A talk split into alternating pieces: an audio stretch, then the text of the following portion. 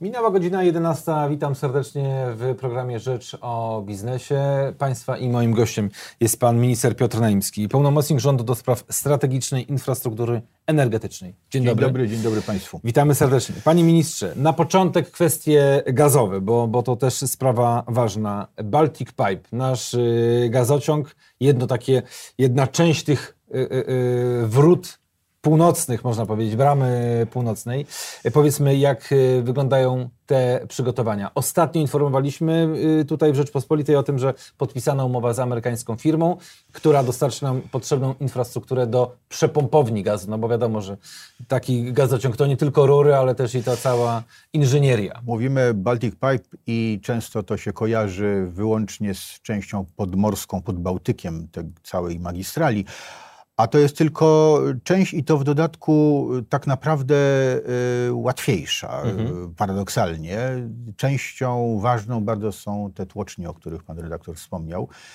I kompresory do nich, y, ta umowa, kontrakt, który został podpisany przez Gaz System, który jest y, inwestorem po polskiej stronie, buduje to wszystko, to jest bardzo duży kontrakt. To jest na ponad pół miliarda złotych i amerykańska firma Solar Turbines, ona dostarczy te y, pompy, można powiedzieć, mhm. które będą tłoczyły gaz ze szelfu norweskiego, z Norwegii, który przypłynie pod Bałtykiem do całego polskiego systemu. Y, to jest bardzo ważny moment, dlatego że to jest y, pierwszy duży kontrakt zakupowy, który y, będzie po prostu podstawą do dostarczenia sprzętu do całej tej inwestycji. Zatem przeszliśmy w ten sposób od fazy przygotowawczej do fazy zakupowej. To bardzo ważny moment jest. A jeżeli chodzi o tą część morską, no bo też zastanawiamy się, jak to będzie, kto będzie układał te rury. Tutaj to sankcje, wszystko jest ustalone. Sankcje też Amerykanie na firmy, które Panie, Nord Stream układają, też był gdzieś. Panie redaktorze, wszystko, wszystko, wszystko to, to, wszystko wiadomo, kto za co odpowiada. Polski gaz system, nasz gaz system buduje pod Bałtykiem do duńskiej plaży. Duńczycy mhm. budują na swoim terytorium i po stronie Morza Północnego.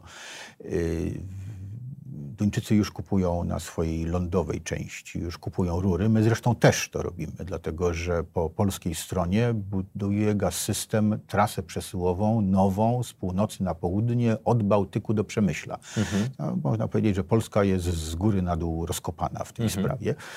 E, jeżeli chodzi o wykonawców, bo to jest kwestia kontraktu z wykonawcą, będzie to skończona ta procedura powiedzmy na promie grudnia i stycznia, czy w styczniu przyszłego roku, tak, żeby te prace praktyczne pod y, Bałtykiem w części morskiej mogły się fizycznie rozpocząć w maju, czerwcu. I potem dwa lata na to mamy przeznaczone. Wszystko odbywa się zgodnie z harmonogramem. Y, my tego pilnujemy. Mhm. Ja tego pilnuję ze strony rządu, ze strony no, tej funkcji pełnomocnika, co to czasem trudno wymówić jego tytuł, mhm. ale, ale ten pełnomocnik nadzoruje y, Gaz System i PSE y, i PERN i, i, i w tym sensie Gaz System e, jest rzeczywiście blisko mnie, a Baltic Pipe na moim stole. Jeśli chodzi o te e, realizacje e, inwestycji infrastrukturalnych, Różnie to w Polsce bywało. O ile gazociągi się w miarę szybko i w miarę sprawnie budowało, dzięki też specustawie, która pozwalała na to, że pewne procedury szły y, zdecydowanie szybciej, no to mieliśmy też opóźnienie, jeżeli chodzi o oddanie terminalu LNG. Pan się nie obawia, że tutaj będzie też jakieś y, opóźnienie? Przygotowani jesteśmy na jakieś nieprzewidziane y, sytuacje? Mamy taki bufor czasowy? Mamy. Znaczy w harmonogramach, które są przyjęte, mamy rzeczywiście założone no, wszystkie te ryzyka, które można przewidzieć. Baltic Pipe ma być gotowy w październiku 2022 roku i będzie, a terminal w Świnoujściu też jest rozbudowywany. To jest mhm. osobna inwestycja. Do 7,5 miliarda. Do 7,5 miliarda i te 7,5 miliarda będzie gotowe w 2021 roku. Tam jest, to jest inwestycja złożona z kilku części i one będą oddawane sukcesywnie, ale pierwszy Pierwszym elementem jest ta możliwość zwiększenia o 50% z 5 do 7,5 miliarda metrów sześciennych ilości przyjmowanego skroplonego gazu. I to też e, się e, realizuje zgodnie z planem. Jeżeli jesteśmy przy gazie i jesteśmy na Bałtyku, to powiedzmy jeszcze o tym pływającym terminalu FSRU, który ma być w Zatoce Gdańskiej. To jest podobny terminal, jaki jest e, na Litwie w Kłajpedzie? To będzie prawdopodobnie podobny do tego, co jest, co jest w Kłajpedzie. Będzie rzeczywiście w Gdańsku. Decyzja w tej sprawie jest podjęta. Inwestorem jest Gaz System. To jest kolejne wejście, czy będzie to kolejne wejście do polskiego systemu mhm. dla importowanego gazu. Yy, gotowy będzie mniej więcej w 2025 roku, 2025 roku, tak to w tej chwili zakładamy, wtedy, kiedy będzie rosło zapotrzebowanie na gaz w Polsce, w polskiej gospodarce. Yy, w roku 2022-2023 to, co budujemy w tej chwili, Baltic Pipe i rozbudowane Świnoujście nam wystarczy. Mhm ten pływający terminal będzie kupowany czy wynajmowany? A to zostawmy już biznesowym rozmowom, mhm. które prowadzi Gaz System, bo to jest y, do oceny już rzeczywiście finansowej. A jaka przepustowość będzie tego, tego Będzie statku? początkowo około 4, 4 miliardów metrów mhm. sześciennych, ale tam będzie taka możliwość dostawienia drugiej jednostki, mhm. gdyby powiedzmy w następnych pięciu latach czy siedmiu latach taka potrzeba się pojawiła w Polsce czy wśród naszych sąsiadów. A ten terminal Świnoujściu będzie jeszcze bardziej rozbudowywany do 10, czy tam są już ograniczenia, że 7,5 i to wszystko? Nie, nie on, będzie, on będzie miał możliwość. Tam robimy to w sposób taki zorganizowanie podzielony, mhm. stopniowo. Jest, będzie 7,5, a potem będzie możliwość do 10 miliardów. To w zależności od zapotrzebowania. Nie musimy wszystkiego od razu z, oddawać i zbudować. Mhm. Czyli gaz ewidentnie z Bałtyku, gaz ewidentnie z Mamy ten problem północy. gazu, dostaw gazu dla Polski faktycznie rzecz biorąc no, na dobrej drodze do rozwiązania. Mhm. Do rozwiązania takiego systemowego, które pozwoli nam przestać dyskutować e, o tym, czy jesteśmy bezpieczni, czy mniej bezpieczni. Po prostu te dostawy będą od różnych, do, różnych producentów, z różnych stron, różnymi sposobami, bo zarówno gaz z gazociągu, mhm. e, jak i skroplony, PGNiG, tutaj jest bardzo ważnym elementem. PGNiG odpowiada za kontrakty. Czyli PGNiG kupuje w mhm. długoterminowych, średnioterminowych kontraktach e, ze Stanów Zjednoczonych, nie tylko, i też e, wierci, szuka, produkuje. PGNiG jest obecny na szelfie e, norweskim i tam rozwija swoją obecność. W tej chwili już jest operatorem na jednym ze złóż co jest bardzo ważne, dlatego że przeszedł do tej wąskiej grupy tych, którzy tam są naprawdę uznawani za fachowców. Jeśli chodzi o gaz i przyszły rok, to nie tylko początek budowy e, Baltic Pipe, ale to również wygaśnięcie umowy na tranzyt gazu przez terytorium Ukrainy, tego rosyjskiego gazu, który dostarczany jest na zachód, między innymi do Polski. Mamy się czego obawiać, Pana zdaniem? E, nie, nie mamy się czego obawiać, moim zdaniem e, już na pewno nie bezpośrednio, ale problem jest. Problem jest, ten kontrakt przesyłowy y, kończy się w, rzeczywiście w 19 roku w grudniu. Rozmowy o jego przedłużeniu są prowadzone przez y, stronę ukraińską z Rosjanami z udziałem Komisji Europejskiej. Y, ten Problem jest związany z budową Nord Stream 2, czyli tego gazociągu pod Bałtykiem pomiędzy mhm. Rosją i Niemcami, bo istnieje takie zagrożenie, takie przypuszczenie, że jeżeli będzie ten e, pod Bałtykiem zbudowany i uruchomiony, no to wtedy y, y, trasa przez Ukrainę nie będzie Rosjanom potrzebna.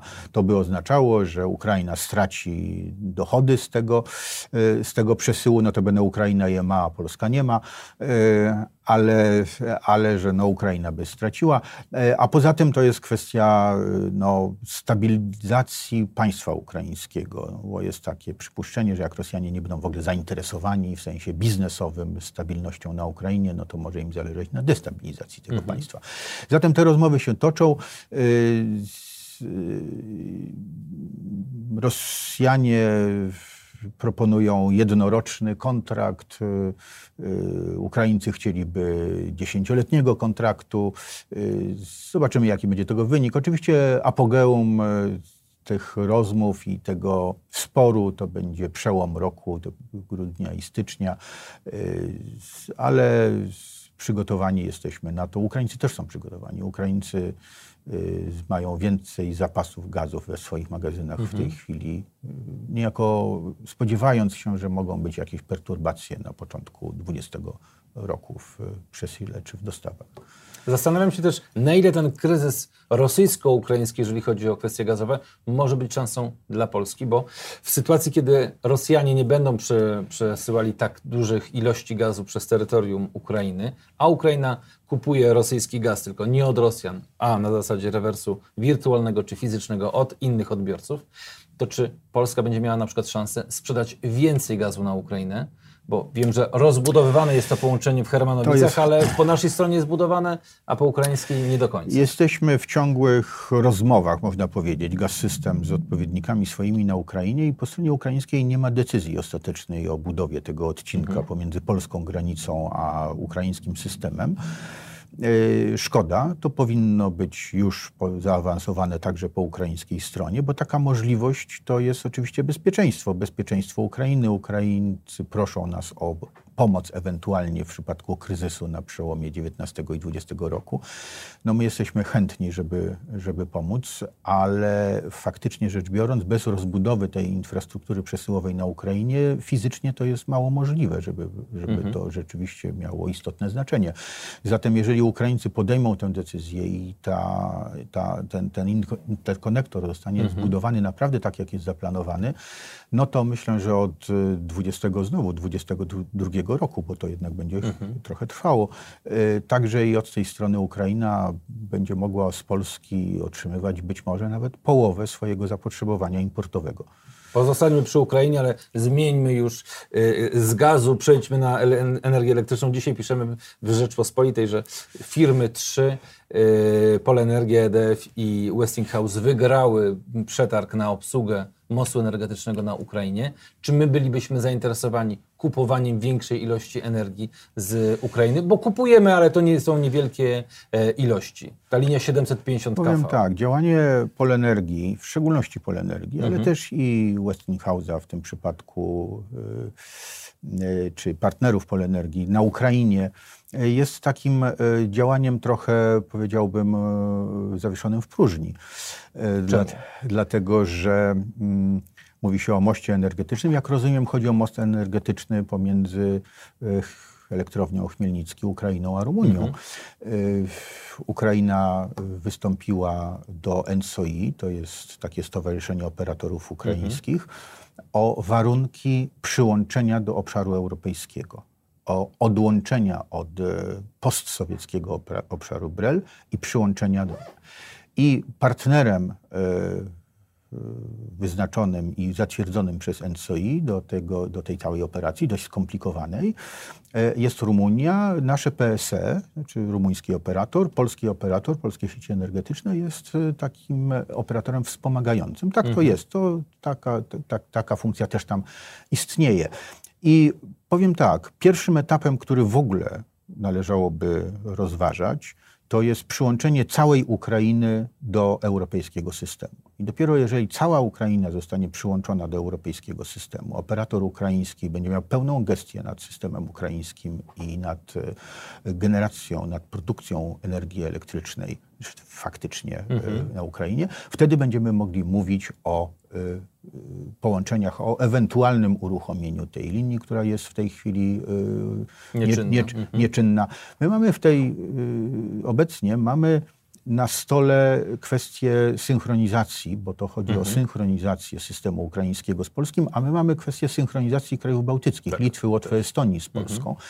To jest niezwykle skomplikowane. To jest od strony technicznej, yy, no, już są podjęte decyzje, między innymi będzie budowany E, kabel energetyczny podmorski pomiędzy mhm. Polską i Litwą, który będzie zapewniał bezpieczeństwo tego połączenia synchronicznego, tak naprawdę, chociaż to jest e, kabel stałoprądowy. E, ale wszystko to razem musi być, to odłączenie musi być wynegocjowane z stroną trzecią, ze stronami trzecimi, z Federacją Rosyjską i z Białorusią. Mhm. I to jest w gestii Komisji Europejskiej i krajów zainteresowanych, czyli Litwy, Łotwy i Estonii.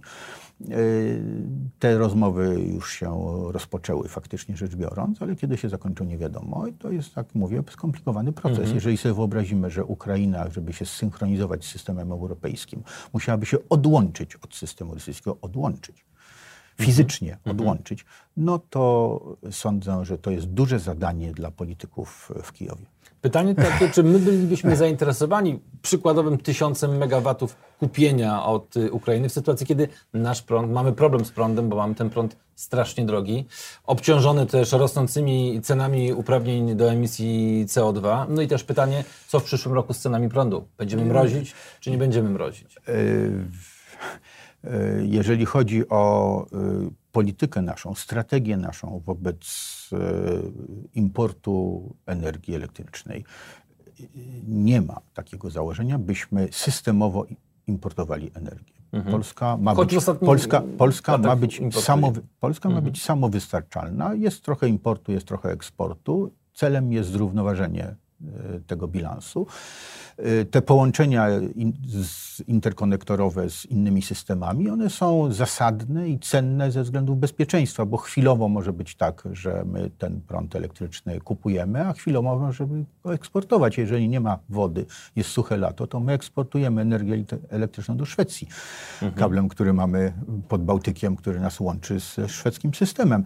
Y, natomiast nie jest tak, byśmy chcieli systemowo uzależnić polskich odbiorców od elektrowni, które są poza Polską, a to będzie oznaczało, że inwestycje w energetyce w Polsce będą ograniczane. Otóż nie ma takiego pomysłu, żebyśmy ograniczali inwestycje w energetyce. E, będziemy inwestowali, taki mamy plan strategiczny w różne rodzaje E, generacji czy produkcji energii mhm. elektrycznej w Polsce. To będą nowe źródła. Dyskutujemy kwestie, e, e, kwestie energetyki nuklearnej, ale czy też budujemy Ostrołękę jako być może ostatnie duże źródło mhm. węglowe.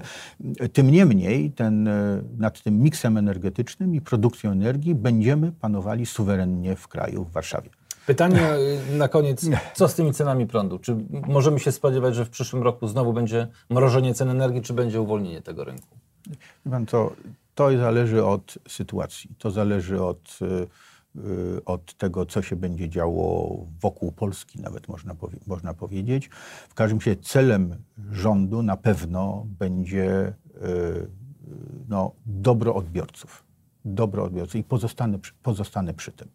Y, można obserwować, jak to było trudne w tym roku, w który, który właśnie mija, zbliża się do końca. Mhm.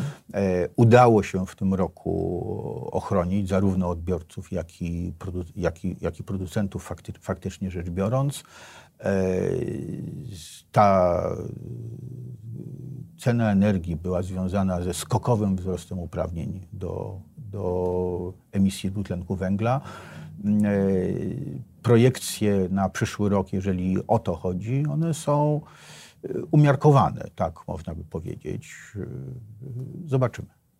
Będziemy się temu bardziej przyglądać, bo cena energii to już prawie 30 euro za tonę wyemitowanego CO2. Piotr Naimski, pełnomocnik rządu do spraw strategicznej infrastruktury energetycznej. Bardzo dziękuję za Dziękuję panu redaktorowi, dziękuję państwu. Bardzo dziękuję za rozmowę i to wszystko dzisiaj w programie Rzecz o biznesie o godzinie 12 prosto z parkietu, a o 13 Rzecz o prawie Michał Niewiadomski. Dziękuję i do zobaczenia.